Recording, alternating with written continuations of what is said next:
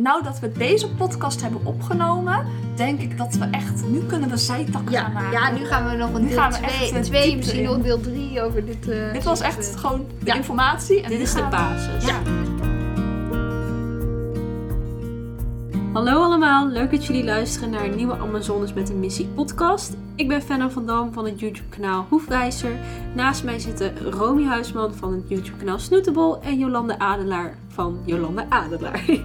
en wij gaan het vandaag hebben over de leerprincipes. Eh, ik heb toevallig een tijdje geleden een ja, soort van test gedaan op mijn eh, Instagram in een story. En dan had ik aan mijn volgers gevraagd of zij wisten wat de leerprincipes waren. En volgens mij had 40% ja gezegd en 60% nee. Dus ik denk dat het wel goed is dat we het daar vandaag over gaan hebben. Ik moet eerlijk toegeven, ik heb er zelf geen opleiding of zo in gedaan. Maar ik weet wel eh, er wat van. Maar Romy die is nu in opleiding. En daar eh, gaat ja, in die opleiding ja, leert zij van alles over de leerprincipes. En Jolanda is zelfs gedragstherapeut, toch? Afgestudeerd.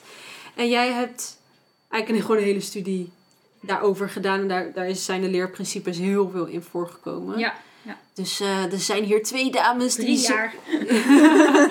maar er zijn in ieder geval twee dames die echt wel weten waar ze over praten. Waar moeten we beginnen? Want er is gewoon zoveel te vertellen Oh, over er de leerprincipes. Het is eigenlijk misschien een disclaimer. En we zullen jullie hopelijk niet teleurstellen. We gaan echt heel veel informatie delen in deze podcast. Maar dit is natuurlijk geen opleiding. Is geen cursus, het is geen opleiding. Wij kunnen niet in deze beperkte tijd ehm, dit volledig aan jullie uitleggen en jullie volledig daarin trainen. En, en dus ga zelf ook op zoek naar informatie als je hier meer over wil weten. Er zijn zoveel boeken over geschreven. Er zijn zoveel eh, onderzoeken gedaan. Er zijn opleidingen die je kunt volgen. Er, er is zoveel informatie te vinden als je het wilt eh, eh, vinden. Als je, Ja. op zoek gaat. Maar wat wel heel belangrijk is, kijk, er is heel veel eh, informatie te vinden over de leerprincipes, maar er is, eh, zorg wel dat het wetenschappelijk is. Want dit is, leerprincipes zijn wetenschappelijk. Het is niet iets wat verzonnen is door een eh goeroe of eh, Mhm. het is iets wat echt heel goed onderbouwd is met studies en onderzoek. En het is niet iets wat verzonnen is of wat het. Ja, dus zorg dat als je de- informatie. eh, Je kan bijvoorbeeld de opleiding bij de Tindi. eh, Ja, de Tindi Academie kun je volgen. Die doet het echt op de wetenschap. En eh, dat is eigenlijk de beste in Nederland. Ja.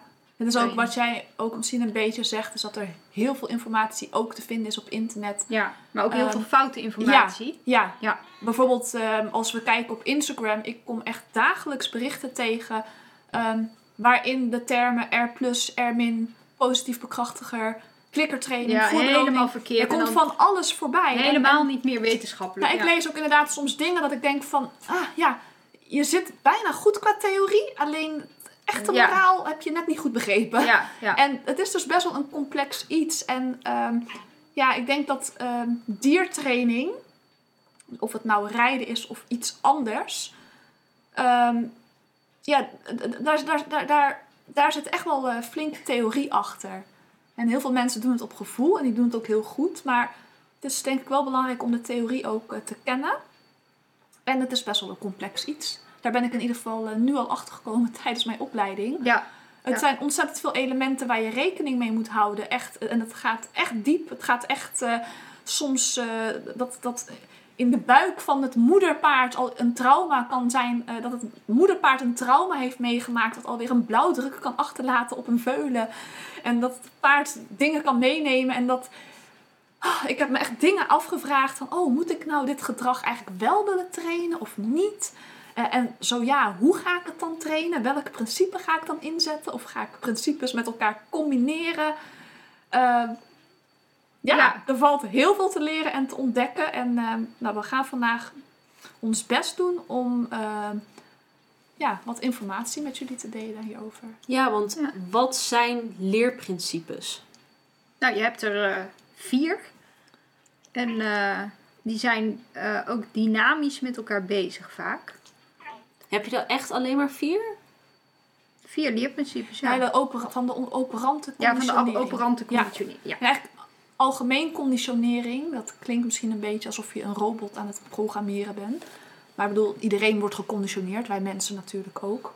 Eh, dat is eigenlijk dat je gedrag eh, verandert. Dus je wilt gedrag, ehm, bijvoorbeeld eh, wat je, gewenst gedrag wil je bekrachtigen. Dan wil je dat het blijft of misschien meer wordt.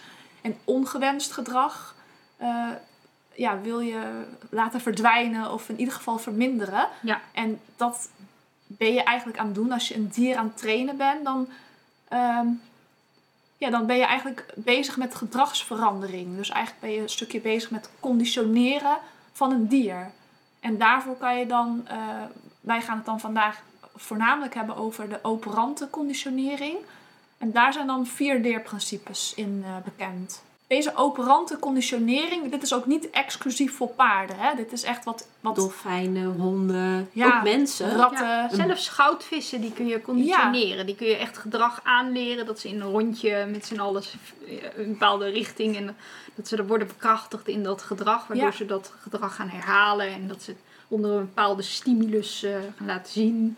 het is echt heel leuk. Het is fascinerend. Toen Dat- ik daar aan de studie begon, eh, had ik, wist ik nog niet hoeveel ik er later in mijn paardencarrière, zeg maar, aan zou hebben. Ook qua in de sport en zo. Omdat het gewoon heel handig is om te weten hoe een paard leert. Hoe een elk dier leert. Want je hebt er, hè, jij hebt er ook iets aan met de kippen bijvoorbeeld. Ja. Dus, eh, en jij met de poesen. En, Ja, maar ik had net al stiekem, stiekem gezegd, het is ook met mensen. Ik heb Ja. laatst een boete gekregen en daar was wel een grote positieve straf voor. ja. ja. Maar goed, waar kunnen we dan beginnen? Want leerprincipes zijn dus. Nou, nou hebben we het over deze vier, of gaan we het over deze vier hebben. Ehm, dus het zijn vier verschillende manieren waarbij je een dier, en eigenlijk ook mens dan, iets kan leren of gedrag kan veranderen. Mhm. Eh, bij welke moeten we beginnen? En wanneer kan je er überhaupt mee beginnen? Ja, goede vraag. Nou, ik denk dat eh, we wel kunnen beginnen met eh, van- welk vier van de vier leerprincipes. Welke je het als eerste wil. Of, eh, Nou, en misschien ook nog heel kort wat eraan vooraf gaat. Dat het wel heel belangrijk is dat het paard al...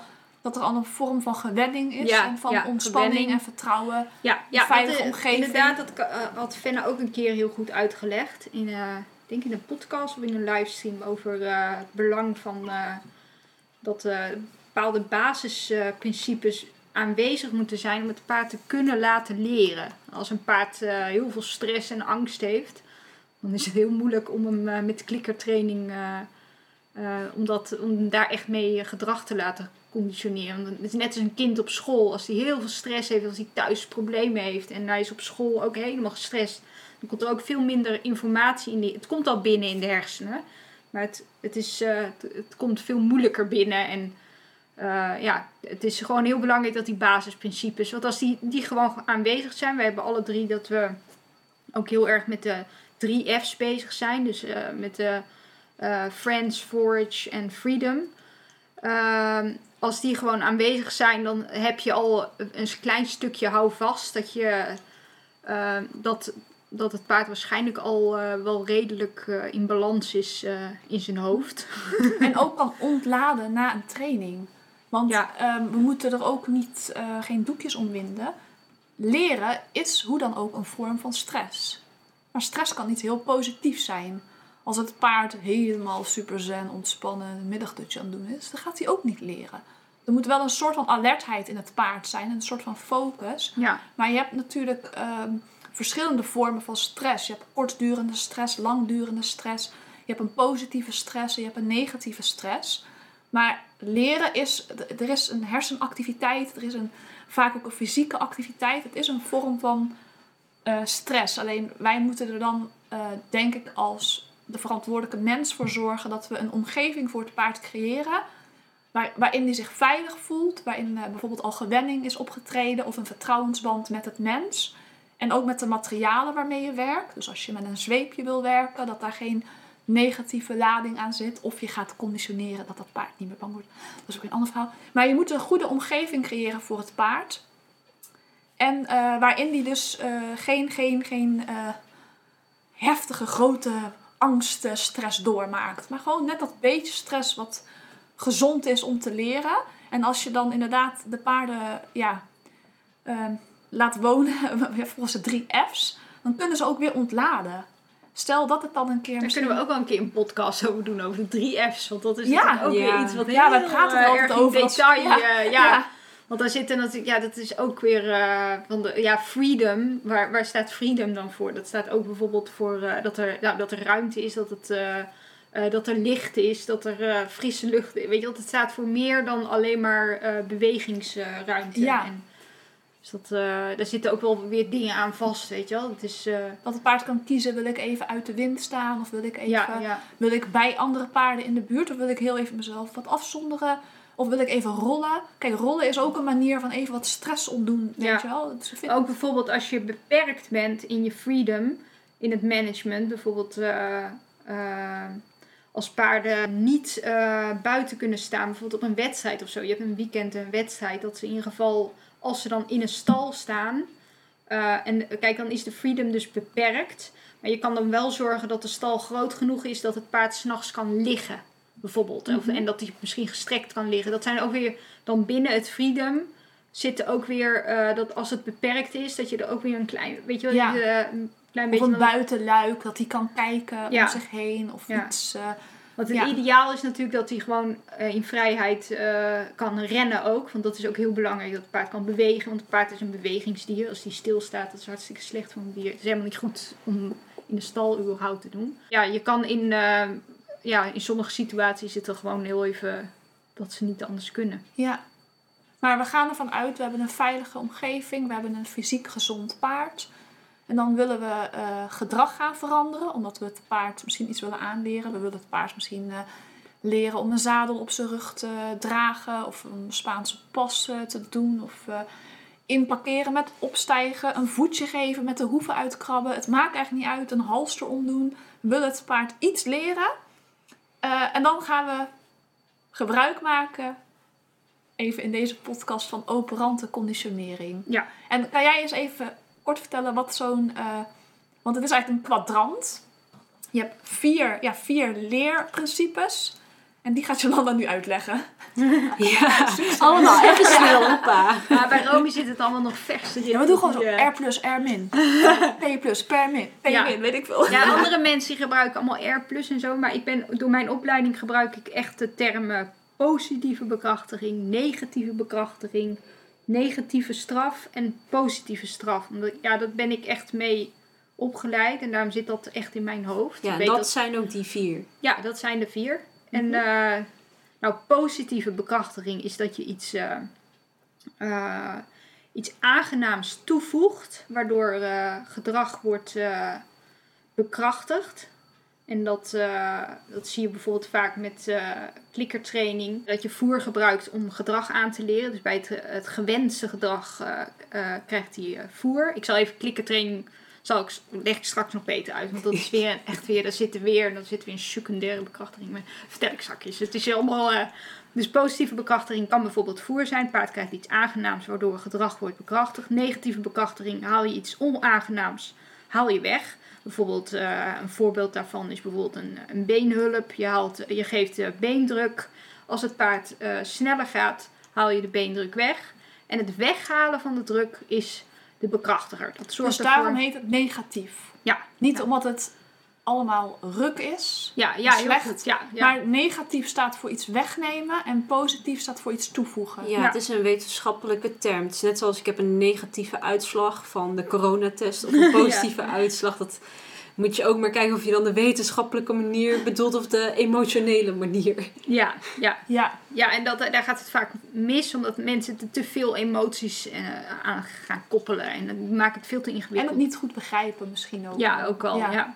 Ja. En dan heb je nog eh, twee, en die worden vaak, heel, die worden vaak helemaal niet genoemd. Die, ik zie ze heel weinig in, eh, op de sociale media met mensen die met eh, de leerprincipes bezig zijn. Dat is het negatieve straf. Dat is het eh, weghalen van iets aangenaams. Dat kan bij een hond aandacht zijn. Ja, of bij Ja. een paard. Negeren. ja. Of het voer weghalen. Ja. Ja. Ja. heel goed. Ja, ik Ja, ja, ja, ja je krijgt het niet. en, eh, en dan heb je nog eh, de vierde, dat is de allerlaatste. En die wordt echt heel vaak verkeerd. Oh, daar irriteer ik me al aan. Als die, die wordt altijd door elkaar gehaald. Dat is positieve straf. En dat is, wordt Oh, dat klinkt iets, goed, dat eh, klinkt ja, een Ja. positieve straf. Dus dan, inderdaad, dan hoor je het woordje positief. Dat ik wel denk je, oh, nou, dat is dan fijn. Maar dat betekent dat er iets wordt toegevoegd dat, neg- dat naar is, want het is een straf. Dus iets Ja. onaangenaams wordt toegevoegd. En, Een schok van stroom. ja, Ja, of een zweepslag. Of met je Ja. hand heel hard slaan. Ja, Heel hard schreeuwen in het oor van het paard. ja. Dus, eh, ja. Ja, dat is echt iets toevoegen wat naar is. Dat, eh, en dat wordt heel vaak, wordt dus negatieve bekrachtiging en positieve straf worden door elkaar gehaald. En ik zie het elke keer weer. Mensen die zeggen die, dat ze tegen negatieve bekrachtiging zijn.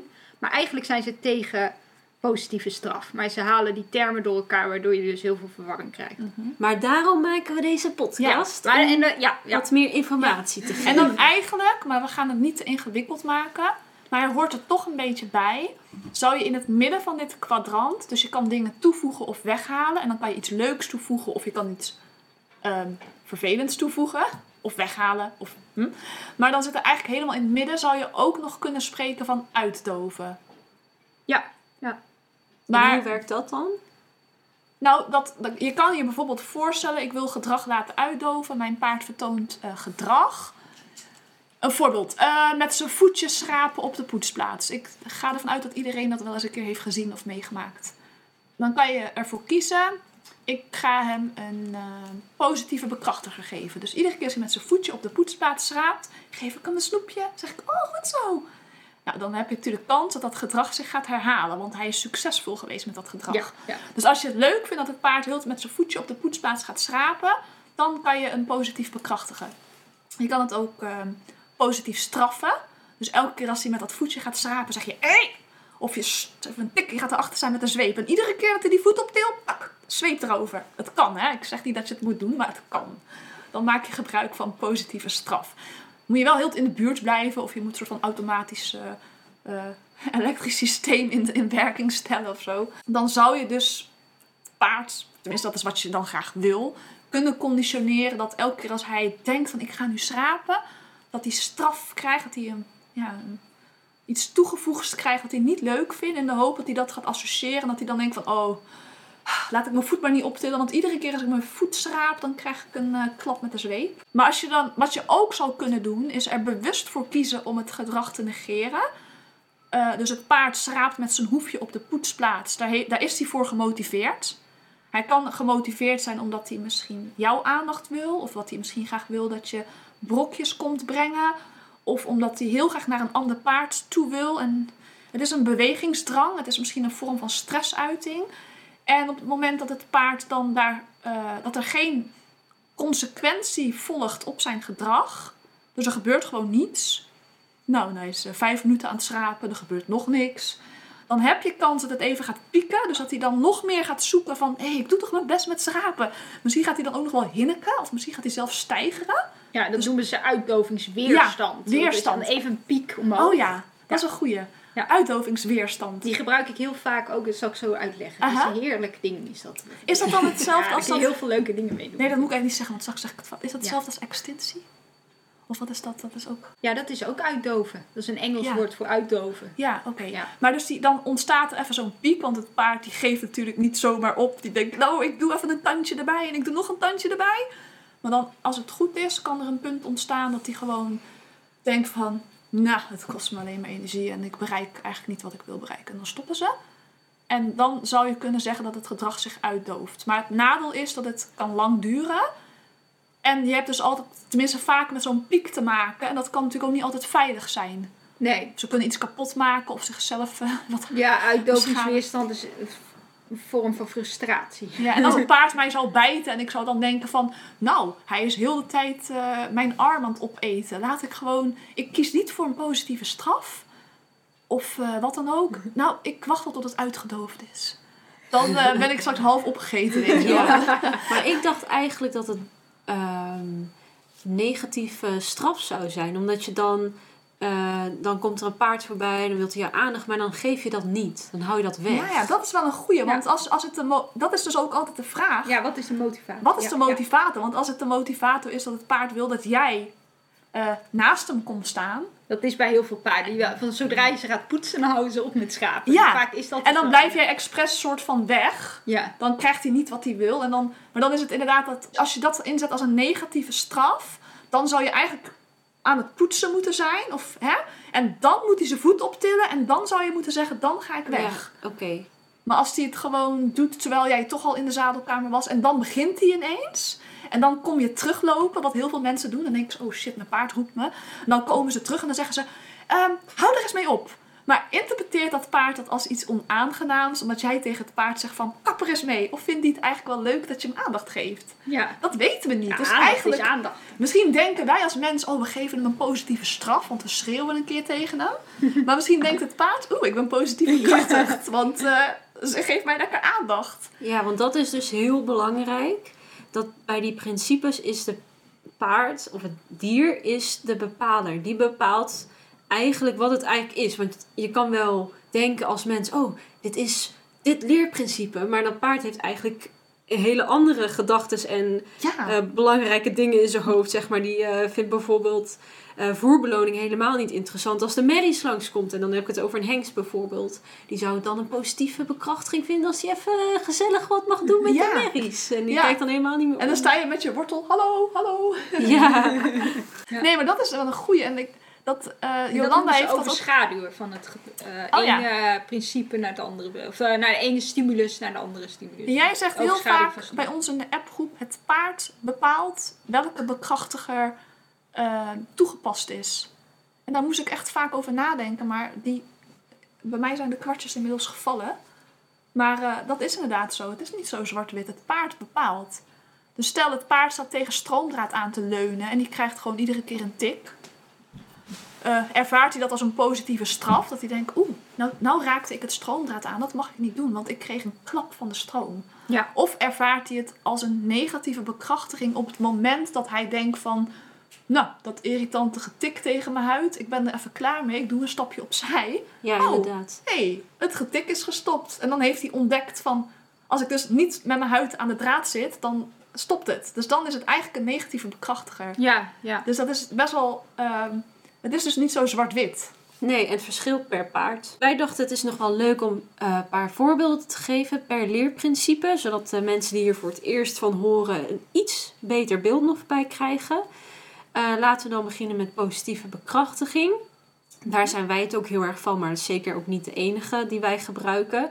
Eh, dat kan dus zijn voerbeloning. Voor paarden is voer hartstikke belangrijk en dat komt eigenlijk uit de natuur. Ze zijn altijd bezig eh, met het zoeken naar voer. Zodra zij veilig zijn, dus niet hoeven te vluchten of eh, op de uitkijk hoeven te staan, kunnen ze gaan eten. Dat is echt meteen het eerste waar ze aan denken. Dus voer is hartstikke belangrijk.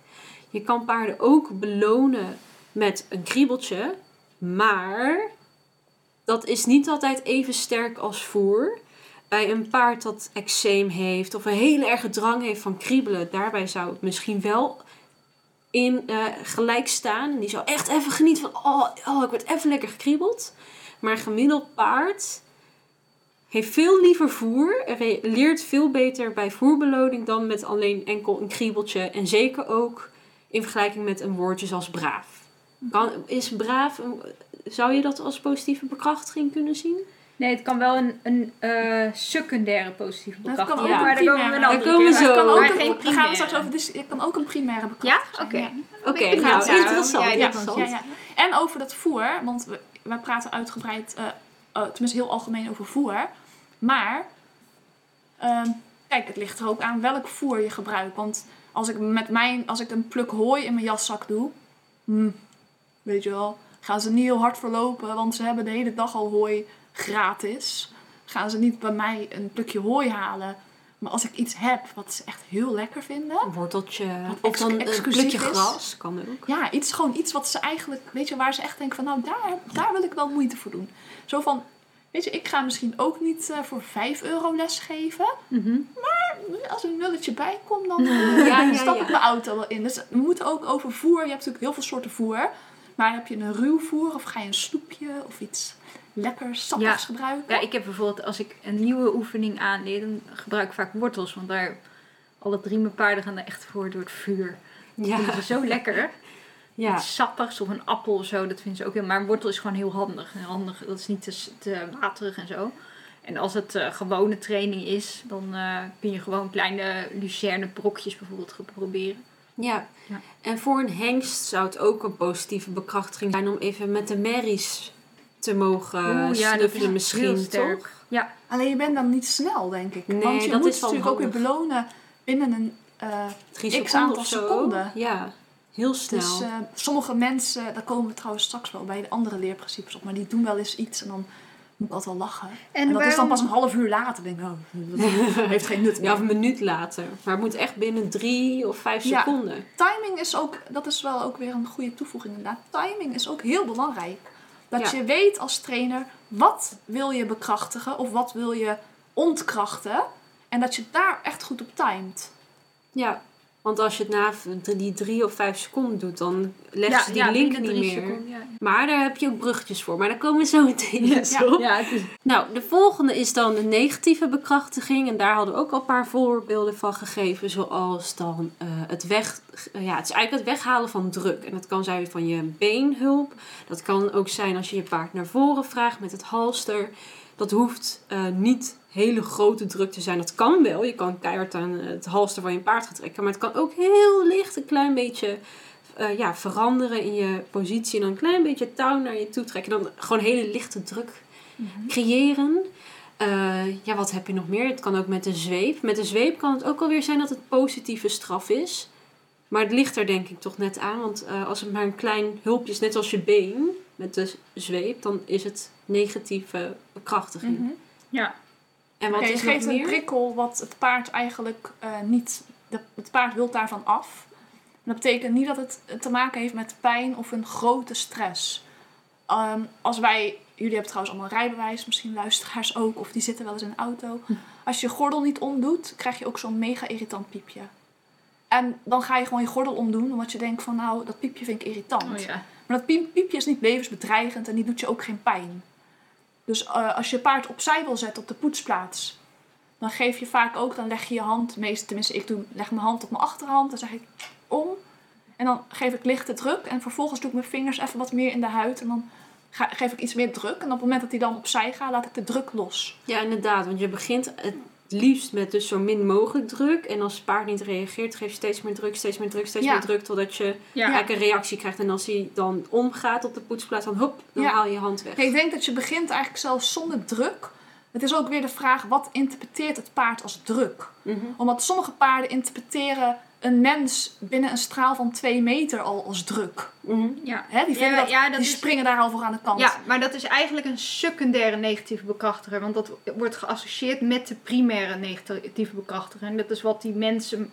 Misschien gaan doen. Ja, Ja. dus... eh, Maar er zijn ook paarden die vinden het lekker om gemasseerd te worden. En die denken, nou, soms druk in- jij maar lekker op mijn billen. ja, ja. Ja, Je ja, hebt ja, soms ja. in elke hoek iemand met een zweep staan voor, eh, om eh, een, een hengst of zo te filmen voor een, een of andere keuring of nou ja, zoiets. Eh, en vaak hoeven ze niet iets met de zweep te geluid te maken of zo. Alleen maar dat ze daar staan, dat is al een, eh, al een, een eh, voorbode, of hoe noem je dat? Een Voorspeller. voorspeller, Ja, ja. dat is het woord. Dat, dat, dat die primaire negatief bekrachtiger kan, Ja. er ook is. Een naar geluidje kan het ook zijn.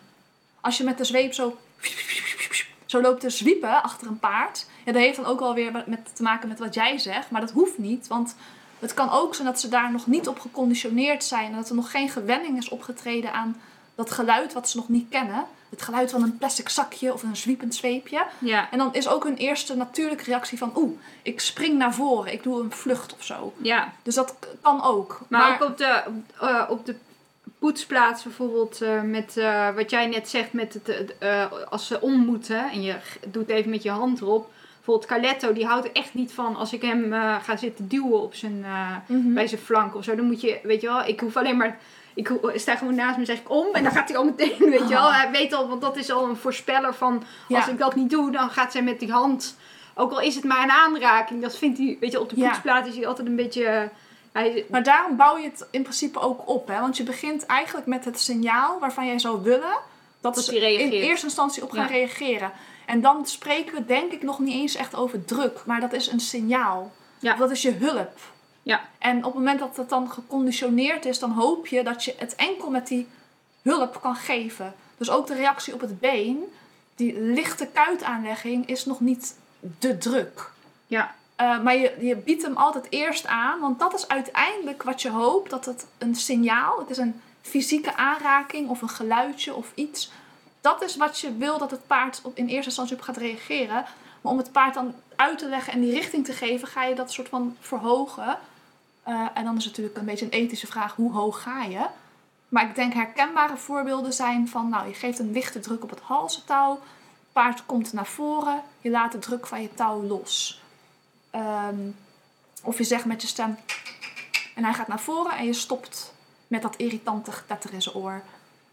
Ja. Ik denk dat dat simpele voorbeelden zijn. Ja, en ook paarden doen het heel veel onder elkaar. Want uh, Noora die kijkt even boos naar het andere paard die te dicht in de buurt van haar eten komt.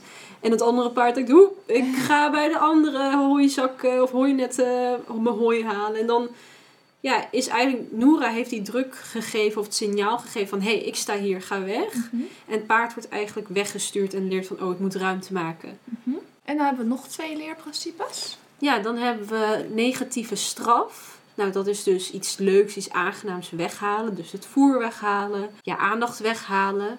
Dat gebruik ik heel vaak. Stoppen met kriebelen. Of, in ja. combinatie met positieve bekrachtiging kun je het leerprincipe, dat is een dynamiek leerprincipe. Dus je gebruikt de positieve bekrachtiging. Dus je voegt iets aangenaams toe. In dit geval noem ik even, je voegt een wortel toe om een bepaald gedrag uh, te bekrachtigen. Mm -hmm. En daartegenover kun je negatieve straf gebruiken. Dat uh, er geen wortel komt.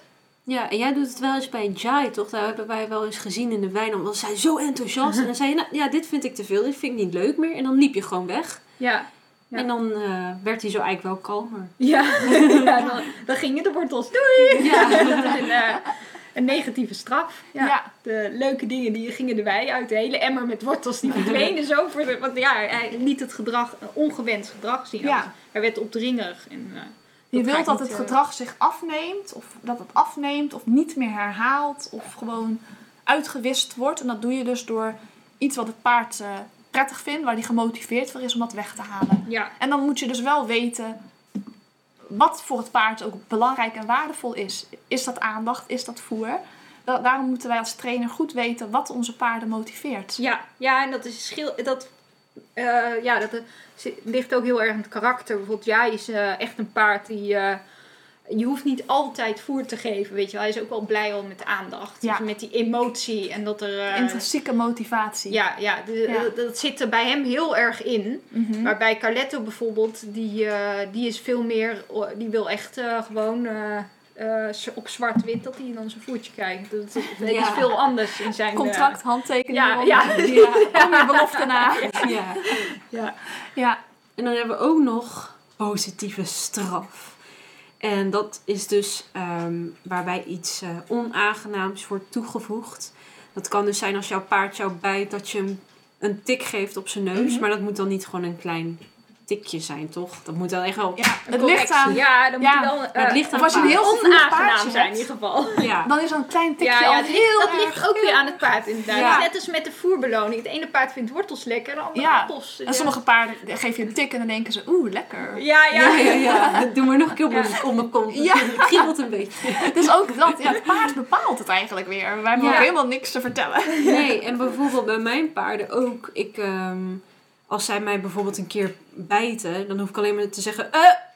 Ja. En dat kan dus ook weer een positieve straf zijn, maar het kan dus ook weer die secundaire zijn. Ja, ja. Maar dat, dat geldt maar... voor paarden die weten dat, dat altijd bijvoorbeeld iemand is die heeft gezegd, hé, hey, en dan vervolgens een tik heeft gegeven. Ja, ja. Dan ja. weten ze, oh, als ik die hé hoor, dan, oeh, dan ja, komt die ja, tik. dan zwaait er wat. Maar ja, als ze dat nog nooit hebben ervaren en dat weten nee, ze niet. dan snappen ze dat Nee, maar het, kan dus, het hoeft dus niet meteen weer die tik te zijn. Het kan ook gewoon een boze emotie zijn. Want Ja. sommige paarden zijn zo gevoelig, die horen jou eh, roepen. Ja. En dan weten ze, oh, dan wordt, wordt ze boos. En oh, daar kan ik niet tegen. Ja, en je Ja, schrikt ja. er ook een beetje van. Als iemand in één keer zo tegen jou, hé, Ja. zegt, dan denk je ook, oeh, hallo. Ja. Ja, was het niet de is een bedoeling. alarm dat plotseling afgaat Ja, ja, als je een uh, Rookmelder. de deur, ja of zoiets. Ja, Ja, ja.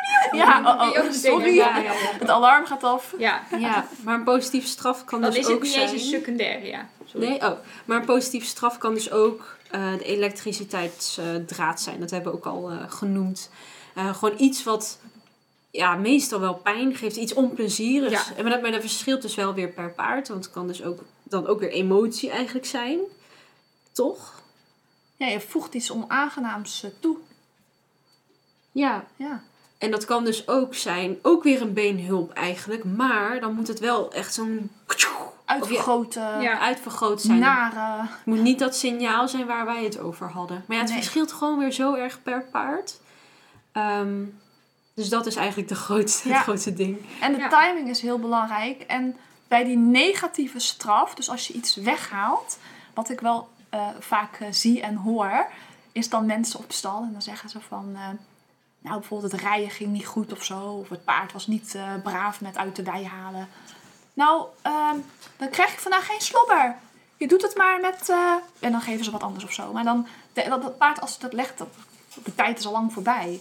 Of dan zeggen ze, nou na het rijden, jij gaat niet meer terug in de wei. Jij blijft eh, op stal vandaag. Maar dat paard, dat, eh, die vindt dat wel heel onaangenaam waarschijnlijk. Of die vindt het waarschijnlijk wel heel fijn als hij wel in de wei mag. Of als hij wel een slobbertje krijgt of zo. Als hij dat gewend is en Maar die dat koppelt vindt. niet het, eh, Het gedrag aan- dat aan de gedrag consequentie. aan de consequentie. Nee. Dat is veel te ver van elkaar. Nee. Nee. En dat is echt, kijk, dat, dat is bij menselijke opvoeding moet je eigenlijk al enigszins goed timen. Maar bij dieren, dan moet dat gewoon eh, heel eh, zuiver en vlug. Ja. ja, want dieren kunnen wel een beetje in de toekomst, een beetje, klein beetje kijken. Maar mensen kunnen dat helemaal, daarom piekeren zoveel mensen ook. Want die zijn vaak veel meer bezig met de toekomst dan met het heden. En dieren kunnen veel beter in het heden blijven. Ze kunnen wel een klein beetje eh, soms naar de toekomst toe leven. Maar Nou, ze hebben misschien, omdat ze bepaalde patronen herkennen, ja, eh, komt er een voorspelbaarheid en dan weten ze wat er gebeurt. Ze ook ze de weten als- dagroutine en zo. als de en- trailer de oprit op komt rijden, van oh ja, oh, ik, ga, ik moet erin. Dan Ik moet weer naar de dierenarts. dan al on- ja, onrust als ze daar een hekel, als ze dat met iets naast associëren. Ja. Dus dan gaat al de hartslag omhoog. En de voorspeller is waarschijnlijk dan ook de persoon zelf, die dan zelf ook met een halve ja, eh, ja. stress eh, Het is al een energie voorspeller daar dat er iets daarna iets, iets anders is. Het is dan toch al wel een beetje dat ze een klein beetje naar de toekomst doen. Maar ze, dieren in het algemeen zijn wel hele goede. Ze noemen het wel eens guardians of the moment dieren. Ook eh, honden en katten in huis. Daarom zijn huisdieren zo belangrijk om in je leven te hebben. Omdat ze je heel erg in het moment houden. Die zijn echt een soort. Het zijn een soort. eh, eh, ja, Ja, maar. momentbeschermers. Onze- die houden ja. je in het moment. Ja, en wat trouwens wel grappig is ja, over de dieren, is dat paarden zijn eigenlijk nog best wel langzaam. Daar kan je nog best wel langzaam mee belonen. En dat heb ik geleerd bij Marie Verbouw in, eh, in België. Zij eh, traint dus eh, paarden, ezels, kippen en zelfs konijnen. En zij had mij dus geleerd dat bij paarden heb je dan dus die drie seconden. En bij kippen moet je bijvoorbeeld eigenlijk al bijna meteen... Het moment dat zij iets aanraken, moet je eigenlijk al belonen. en Ah, dat ja. Gaat dus heel lastig. Dus daarom heb je primaire en secundaire bekrachtigingen, toch? Ja, Kun je daar iets meer over vertellen? Jolanda is de expert. Je hebt dus eh, positieve bekrachtiging. Je voegt dus iets aangenaams toe om gedrag te bekrachtigen. Maar je kan dat, eh, de- eh, je kan er zeg maar een bruggetje maken. Je, moet, je kan dan het, eh, het gewenste gedrag kun je markeren met een secundaire positieve bekrachtiging. Dat kan bijvoorbeeld een klikgeluid zijn. En dan eh, als het paard dat klikgeluid heeft gekoppeld als een voorspeller aan de primaire positieve bekrachtiger, dus aan de wortel bijvoorbeeld, aan de, echte waar die het eh, voor doet, dan kun je dus dat klikgeluid kun je als een beloning eh, gaan gebruiken. En dan kun je dus meteen gedrag met een klik, als je bijvoorbeeld een kip iets aanlegt, klik! En dan, dan eh, eh, op dat moment eh, krijgt het paard dus al een, een beloning. Terwijl een klikgeluid is natuurlijk geen echte beloning. Maar hij en weet wat, wat dat... is de beloning? Dat heeft te maken met ehm, Ja, de, inderdaad. Nou, de chemische... maar. Ja, Ja, dat de, is toch de- chemische reactie? ja, de eh, chemische... ja, als hij dat klikgeluid hoort, als ze dus... Maar dan moet het paard eerst geladen zijn. Je, als je met kliktraining gaat, gaat beginnen, dan ga je eerst het, dat klikgeluid... En daarna krijgt hij voor klikgeluid, voer, klikgeluid, voer, klik... En daarna dan denkt hij, oh ja, klikgeluid, oh, komt voer. Dan gaat Dat het- is laden. Dat Ja, noem jij noem een soort van jij- installeren van Ja, dat het, dat dat het werkt. Dat ja. het gekoppeld is. Dus dan krijgt hij bij dat klikgeluid krijgt hij al zo'n geluksprikkel in zijn hoofd. Oh ja, Mhm. want daarna dan komt dan die voerbeloning. Dus dan kun je, dat kun je heel makkelijk inzetten in, eh, om gedrag heel precies, bijvoorbeeld liggen bij een paard. eh, als die heel ver van je af is, Oh, ja. kun je dan klik. Zodra die al een beetje eh, wil gaan rollen, kun je al, al klikken. En dan heb je tijd om, als hij door zijn knieën zakt, om erheen te lopen om de voerbeloning te geven. Ja. Ja ik, ik noem maar even. Nou, je kan dus tijd winnen, maar ook met rijden. Je kan niet als je aan het galopperen bent en je wil dan gedrag bekrachtigen, dan is het heel moeilijk om al galopperend een snoepje uit je zak te halen en dat dan in zijn mond te proppen Ja, of zo. Nee, dan moet je eerst stil gaan staan en dan een snoepje geven. Maar dan kan het paard niet weten of het van de galop was of van het stilstaan. Ja, van oh kijk eens hoe braaf ik stilsta. Ja, dan gaat hij een dat snoepje? dus, eh, Dan denkt wat hij, op oeh, dat ik ga heel moment van het snoepje is. Dat, ja. als, eh, als het paard niet is geconditioneerd op de klikker, dan, eh, dan heb je dat bruggetje niet. En dan ga je dus conditioneren wat op het moment van de voerbeloning is. ja. Dus dan ga je het stilstaan belonen. Dus het, eh, dan ga je eerst dat snoepje uit je zak halen. Het paard staat stil. En dan zit, je zit dus op het paard. En dan kun je het snoepje geven. Maar dat is natuurlijk, dan leert het paard stilstaan. Daar heb je niks aan. Dus met rijden moet je echt een secundaire positieve bekrachtiger eh, hebben. Dus, dus een klikker. Een klikker is wel het meest handige. Ja. Ik gebruik zelf een, een eh, geluid met mijn tong. Dit, ja, en ik heb die, deze. ja. Of zoiets. Ik heb dan één klik Ja. Ik heb er geen. Maar je kan ook eh, een woord gebruiken. Ja. Ik ken iemand die heeft yes. Maar je kan ook altijd op een bepaalde manier zeggen goed zo. Maar het nadeel is wel, je moet het eigenlijk altijd op dezelfde manier een toon zeggen. En dan iemand anders die met jouw paard traint, moet dat eigenlijk ook op die precieze manier zeggen. En Nou, daarom- maar kan je niet, dat zit ik nu hard op te denken, kan je niet, want jij hebt net de klikwortel, klikwortel, klikwortel, die heb je geladen, die heb je geïnstalleerd. Kan je niet, eh, je kan toch wel meerdere ehm gelukserva- beloningservaringen laden op een paard? Ik zou hem toch Ja. kunnen laden op braaf en ik zou Oh, hem ook ja. kunnen laden op goed zo. Ja, ja, mijn paard... Dan heeft hij er gewoon twee, Ja, punt. dat zou Mijn kunnen. paarden En als ik een ook bijrijder of zo daarop, ooit hoor. heb, dan kan die kan ook van die specifieke persoon, kan die ook de associatie van eh, de beloning wel aanleren. ja. Ik weet niet tot, ik, ik vraag me af hoeveel, hoeveel ze kunnen Ja. leren, maar... ehm, Je zit alleen wel altijd heel erg in je emotie. Als je met, eh, ik, ik gebruik dus voordat ik klikkertraining deed, deed ik dus mijn, was mijn secundaire positieve bekrachtiging was gewoon ja kijk hier, de katten. Nou, ik kan dus mijn stem heel erg hoog doen en de paarden die schrikken bijna, want dan weten ze dat was een soort dat is weer een positieve straf. dan. Alleen het probleem werd dus, want ik ben, eh, ik ben heel erg bezig om die positieve bekrachting ook tijdens het rijden toe te passen, om dat wat mainstream te krijgen. Is als je met andere mensen in de bak rijdt en je gaat, ja, goed zo, dan schrikken alle anderen. Weet je wel, dan krijg je zo'n. Het is, het is niet eh, heel praktisch om, om Ja, zo, zo gillend. eh maar als je straks... Langkous en eh, dan in, je kan ook nog emoties toevoegen. Je kan het paard bijvoorbeeld aanmoedigen. Dan weet hij dat hij nog even dat hij door moet gaan. En dat hij dan de relief krijgt van bam. En dan komt het echt, ja, goed zo weer. Weet je wel, Ja. je kan een emotie inleggen. En dat vind ik wel heel fijn. Alleen dat klikgeluid is wel dan. Kun je, dan hoef ik me niet zo te schamen omdat als ik op wedstrijd ga in de inrijterrein. eh dat als ik hysterisch eh, met Jai deed het goed Ja. zo. En ja, maar je hebt toch wel... Het is niet zo zwart-wit dat je of hysterisch blij moet zijn Ja, of je moet zegt- klikken. Nee, maar Je kan het ook wel, gewoon een goed zo zeggen. Want als straks jij wil klikkertraining onder het zadel gaan promoten, dat die olieflex zich gaat uit. En straks gaan heel veel wedstrijdruiters in de toekomst ook klikkeren in de bak. Ja, maar iedereen heeft zijn eigen klik. Ja, dat is Dat, waar. dat is echt Ja. een ding. Ik Nou, heb nog niet- niemand gezien die dezelfde klik heeft Ja, als ik, mijn we- bijrijdster. Nou, maar niet als ze straks net als in Amerika met die eh klikkerzwepen. Weet je wel, je hebt dan zo'n Oh, zweep ja. met een klikker erop. Als ze allemaal dat, stel dat, Dat- je ja, tien ruiters in de bak en dan klok, klok, klok, weet je niet meer welke. Maar daarom is er één heel belangrijk instrument en dat is je stem. Ja, Want dat ja, is persoonlijk stem en dat is toch niet na te bootsen. Daarom doe ik de klik met mijn stem. En ik loop eigenlijk wel gewoon vooruit op de, op de zaken, want eh, ik ben Ja. dat al voor. Want Ja. ik sla die ene klikker hype over en ik ga gewoon... Ja, maar ik was eerst ook een beetje anti-klikker, weet je wel, die mechanische klikker, weet je wel. Maar ik ben daar toch een beetje op, meer op teruggekomen. Omdat, ik weet niet, op de een of andere manier vind ik het... eh, eh, ik heb nu dus eh, echt dat ik... ik heb bijna mezelf geconditioneerd met dat klikkeren. Als ik een paard, zelfs als ik aan het lesgeven ben aan een paard die niet geklikkerd is, van Jij een deed bij paard, ook. Klik. dan ga ik al automatisch. Het is ook een beetje mijn eigen markeringsmoment. En dan, ik, ga, Aha. ik ben dan, mijn hersenen zijn aan het zoeken welk gedrag. Weet je wel, je- Dat ben is het. echt Ja, aan het dat is het zoeken van, gedrag. jij doet dat en dan. En dan in, vroeger deed ik dan, ja, goed zo. Dan ging, dat, ging Ja. die stem. Maar nu heb ik dus dat, dat klikgeluid. En het is wel voor mij eh, ja, ik vind het iets... maar het is inderdaad wel goed om je eigen klikgeluid te gebruiken. Niet, eh, Het moet dat, gewoon dat herkent voor... het paard wel ja. anders dan de andere ruiter in de bak die ook doet, maar de man of zo.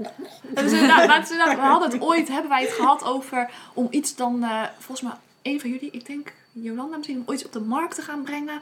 Dat we een soort van, of bestond het nou al, een soort van zweep dat je dan kan klikkeren? Ja, die bestaat al, ja. Oh, die bestaat, nou, ja, die kan, over. die kan niet in Nederland. Nee. Mensen hebben ook al gevraagd van, ja, waar kan ik die kopen? Op zich is dat een goed idee, zo'n klikker. Want eh, wat, wat het handige is aan een klikkerzweep, is dat je het tijdens het rijden kan je het heel goed vasthouden. En ik, heb, eh, ik merk met mijn clinics dat mensen heel veel moeite hebben om een eigen geluid te maken. Wij vinden het makkelijk. Hè, wij zijn misschien ook eh, vocaal maar met echt ons joh, paard ik al heb bezig. meegemaakt met clinics, die kunnen niet eens...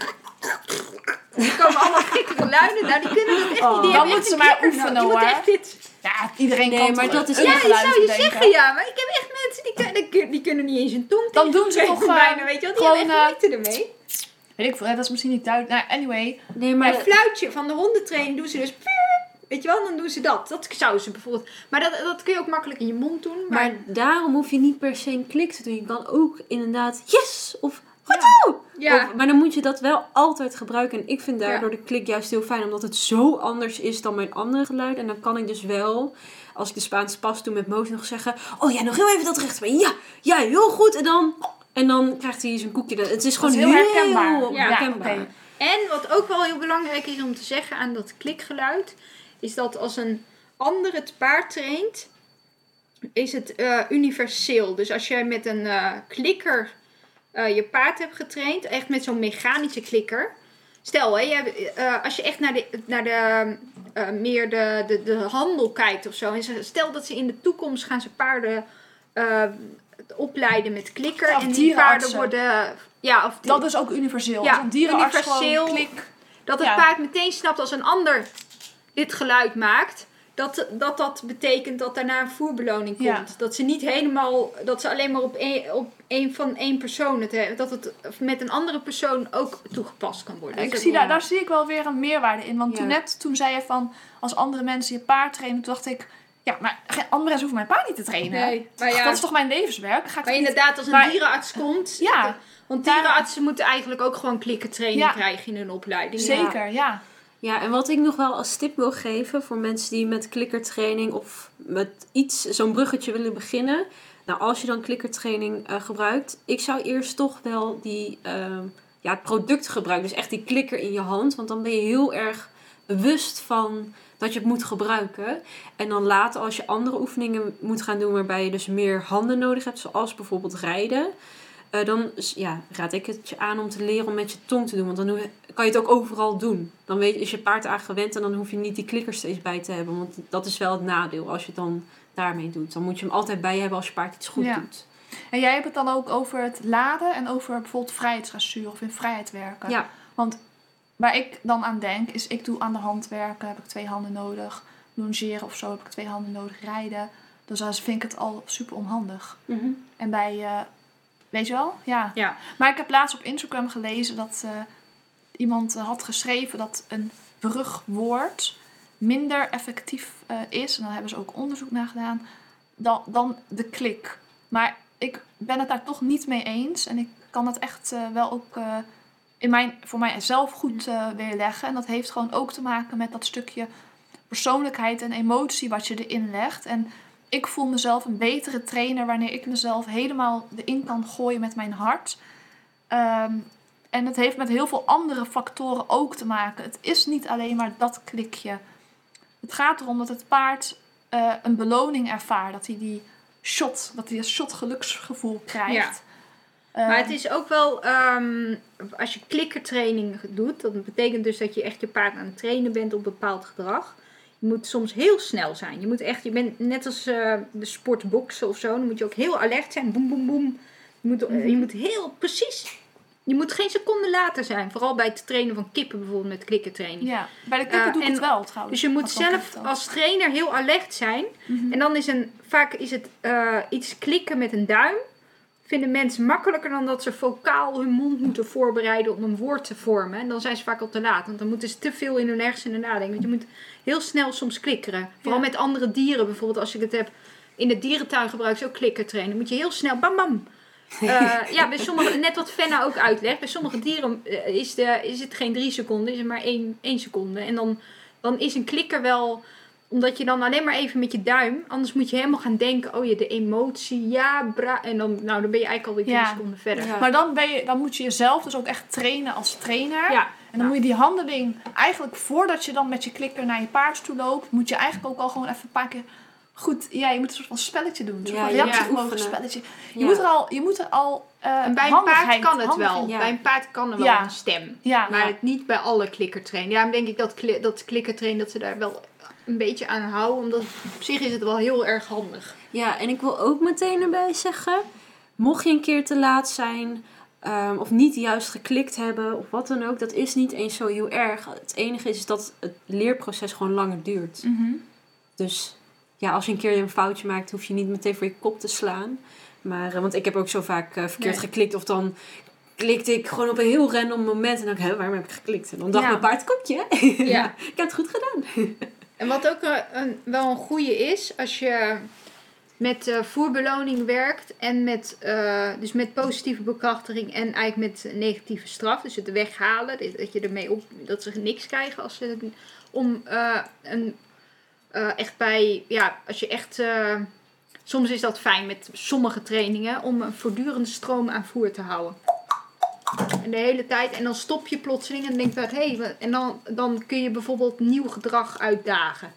Mhm. Bijvoorbeeld eh, met, eh, om een paard het gedrag met de uitdovingsweerstand groter te laten doen. Maar dat is, het is wit ingewikkeld. Ik ga, Nee, nee, maar da- da- dan, dan, ja. dan moet je dan al dat wel een beetje een ervaren trainer voor zijn. Ja, Omdat ja. bij, dat, bij die uitdovingsweerstand kan ook Ja. gedrag komen waarvan je denkt van oei, die vind ik niet zo veilig. Ja, of ja. die is niet zo ja, ik merk zelf dat ik het zelf heel makkelijk vind.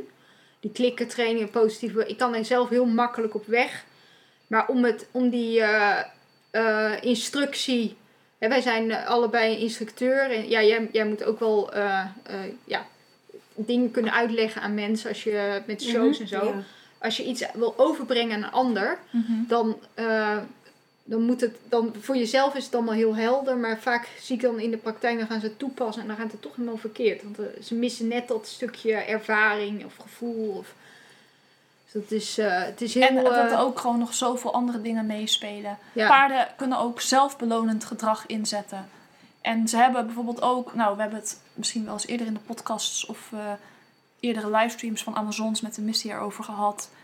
Ehm, introverte en de extraverte type paarden. Dus dat hebben ze een ehm, active coping stijl of een passive coping stijl. Eh, Het ene paard is wel gemotiveerd voor voer. Eh, ja, weet je, er is- er zijn zoveel verschil, er zijn zoveel dingen waar het. Je moet gewoon je paard heel erg leren kennen. En het paard bepaalt eigenlijk waar is hij gemotiveerd voor en wat ervaart het paard als prettig en onprettig. ja, En ik denk dat wij als trainer ehm, zeker basiskennis hierover moeten hebben. En ook eh, ja, een- eh, ethische waarde voor onszelf ook eh, ja, mo- moeten ondervinden. Ja, moet ik zeggen, moeten, ja, dat je dat moet hebben of zo. Dat je er even over na moet denken van hoe ver ga ik. Want een paard is te conditioneren met positieve straf en met druk en pijn. ja. Ja, Nou, zwart-wit gezegd is het mogelijk. Ja, wat heel belangrijk is, dat ehm, zolang een paard ehm, de situatie kan verbeteren door ehm, bijvoorbeeld de druk te ontwijken, ehm, bij bijvoorbeeld negatieve bekrachtigingen. De- Het ligt net aan, soms kan de druk heel hoog zijn. Eh, en dat is natuurlijk niet goed. Je wil met zo min mogelijk druk wil je gedrag kunnen bekrachtigen.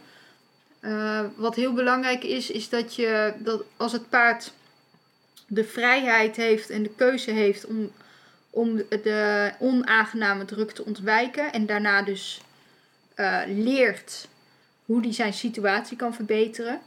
Dan, eh, dan kun je eigenlijk eh, niet spreken van, ehm, van het toedoen van ehm, eh, hoe je dat? Self-helplessness. Mm. Uh, want als je kijkt, stel dat, dat je een paard constant druk blijft geven, blijft druk, dat, dat, zie je heel vaak. Hè? Dat, dat daar, gaat het, uh, daar vinden mensen dat het verkeerd gaat met negatieve bekrachtiging. Ze blijven eh, druk, druk, druk, druk geven. Maar de, eh, en het paard eh, vertoont gedrag om die druk te ontwijken, maar de druk blijft doorgaan. Dan kun je dus, dat zie je bijvoorbeeld bij manegepaarden helaas eh, soms wel eens eh, dat ze...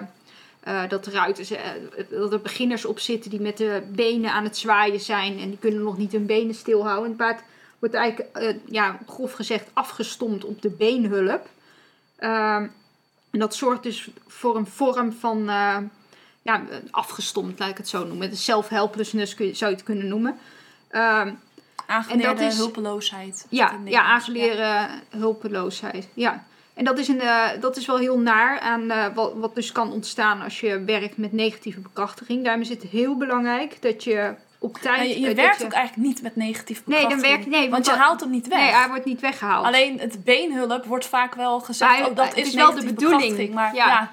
Want het is de bedoeling dat hij op die druk van die been dat hij naar voren gaat. Maar het is, daarom is het zo belangrijk dat mensen de leerprincipes snappen. Want dan snappen ze dat als jij elke drafpas, en ik zie het zoveel, Mhm. elke drafpas het paard loopt aan te drijven, eh, dan, ehm, dan ben je eigenlijk geen, dan, dan ben je eigenlijk je paard aan het, eh, ja, aan het afstompen. weet Het treedt eigenlijk eerst gewenning op aan de prikkel. Ja, En uiteindelijk als die druk, als het te onaangenaam voor hem is en hij kan er niet onderuit wat hij ook doet, ja, dan pas komt hij echt in die hulpeloosheid eh, status. ja. Maar in principe als het gewoon bijvoorbeeld niet echt een hele pijnlijke prikkel is, maar je geeft gewoon ieder pasje been en het paard doet er gewoon niks mee. En, uh, dan, dan, dan, dan Nou, treedt het daar gewoon op. zodra jij stopt met been geven, dan gaat hij stappen.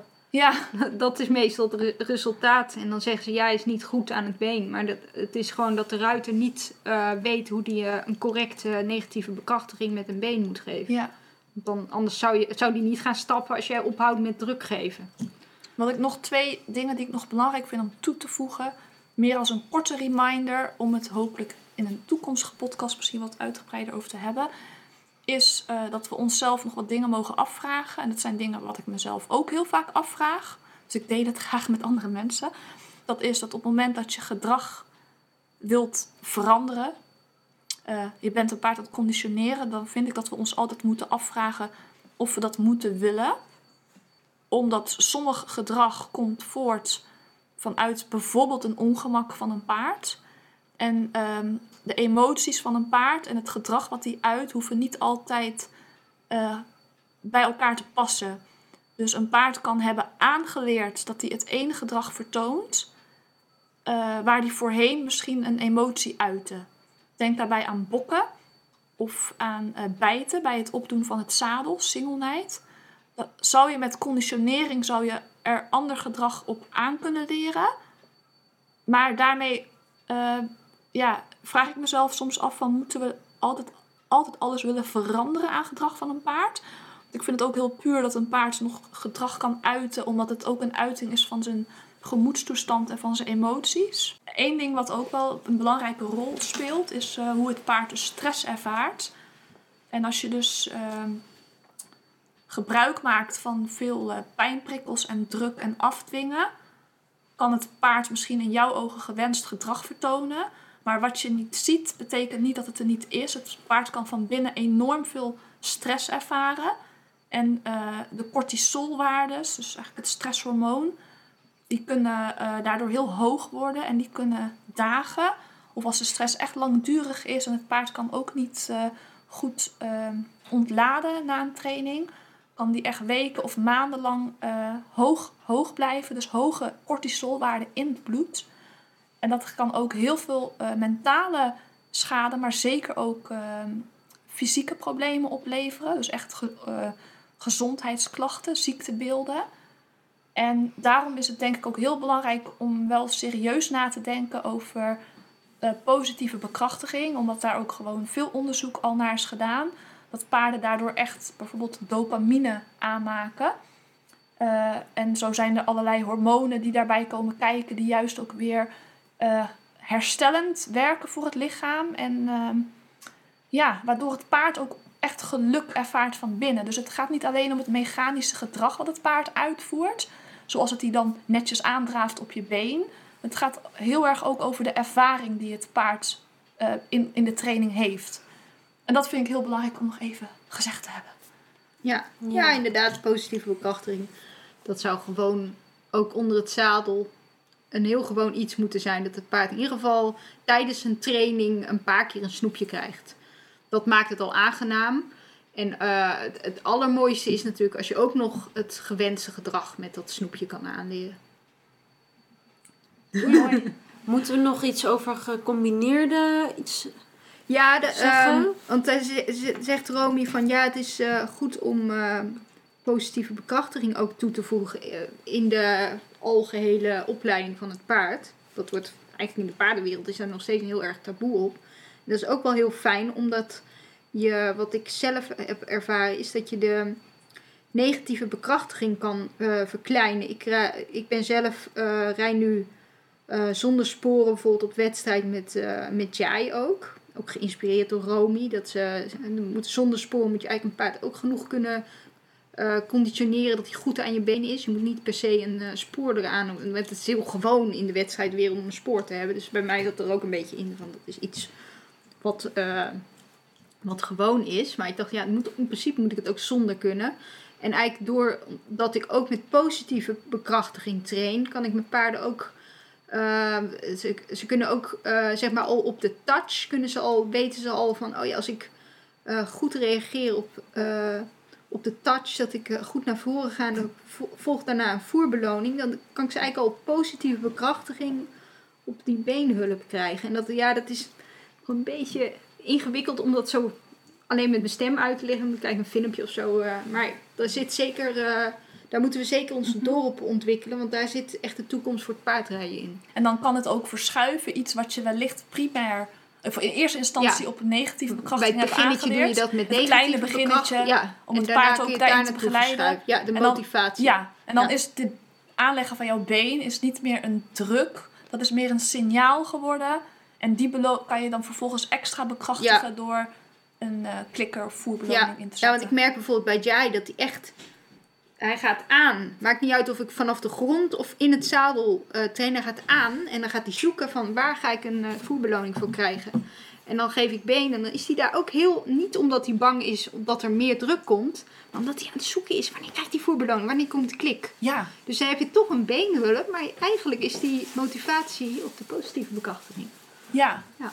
Dus dat is wel eh, interessant. Ja, en dat is ook waar we het in het begin al kort over hadden. Dat leren is toch een vorm van stress. En zelfs positieve bekrachtiging kan excitement. stress oproepen. Ja, ja zelfs ze- als, ja, als een hond helemaal blij is dat het paasje thuis komt. Helemaal stuiteren een, eh. Ja, dat is ze willen zoeken naar, oh, ik moet Ja. die beloning hebben. Maar stress is niet sowieso iets... eh, Maar ook, het is niet alleen maar Iets verkeerds, hè. Dat, het kan iets verkeerd zijn. Maar dat hoeft niet. Maar het, het, kan, het hoeft niet alleen maar het zoeken naar de beloning te zijn wanneer je positieve bekrachtiging gebruikt. Het kan ook het nog niet weten wat het betekent zijn. Ja. Als ze nog niet weten wat, wat, wat betekent, dan moeten ze maar gokken. Ja. En dan moet je een paard hebben die dat durft, die zelfverzekerd is en die initiatief durft te nemen. En die denkt van, nou, Ja. ik trek even deze kaart. Oh, ja, is ja, dat wel niet? die is constant aan het Ja, die experimenteren Zelfs als gewoon. op in zijn zadel zit, hè. Dat weet je ook met de Spaanse pas bijvoorbeeld. Dan is hij helemaal... eh, dat hij eh, gaat zoeken naar eh, die voerbeloning. Maar als Ja. je dan een, ehm, een paard hebt die wat eh, meer ja, gesloten is en wat minder initiatief neemt, die kan zich soms meer begeleid voelen door eh, ehm, een, een vorm van negatieve bekrachtiging, omdat je hem dan wat minder laat zwemmen en wat minder. Ja, ja. ja En dat, dat- dat dus dan kan een, het, eh, ja, dus dat is ook wel weer interessant om dat op goede balans te zoeken in Ja. wat, wanneer voeg ik nou echt meer stress toe, ook mentaal, hè? Ja. Ja, super interessant. We kunnen hier nog Uren. ja, 20 miljoen We hebben hier al uren over gepraat. En nu nou voor deze podcast, maar we kunnen nog uren over Maar nadat we, nou dat we deze podcast hebben opgenomen, denk ik dat we echt, nu kunnen we zijtakken gaan maken. ja, nu gaan we nog een Nu deel gaan we 2, echt, eh, twee, misschien nog deel 3 over dit. eh, Dit was echt eh, gewoon de ja. informatie. En Dit is de gaan basis. Ja. En Nou, dan weten jullie ja, de basis. paarden leren beleefd omgaan met voerbeloning kunnen we het nog over gaan hebben. Eh ehm, klikkertraining toepassen in het rijden kunnen we het over gaan Ja. hebben. De taboes eh, rondom negatieve bekrachtiging en dat soort dingen. Er zijn zoveel Ja. dingen waar we het over kunnen gaan hebben. Ja. We zijn hier nog lang niet over klaar. Nee, Ja. en praat zeker met ons mee op eh, sociale media, vooral op Instagram. Plaats even een, eh, ja, een post, een, een Instagram story.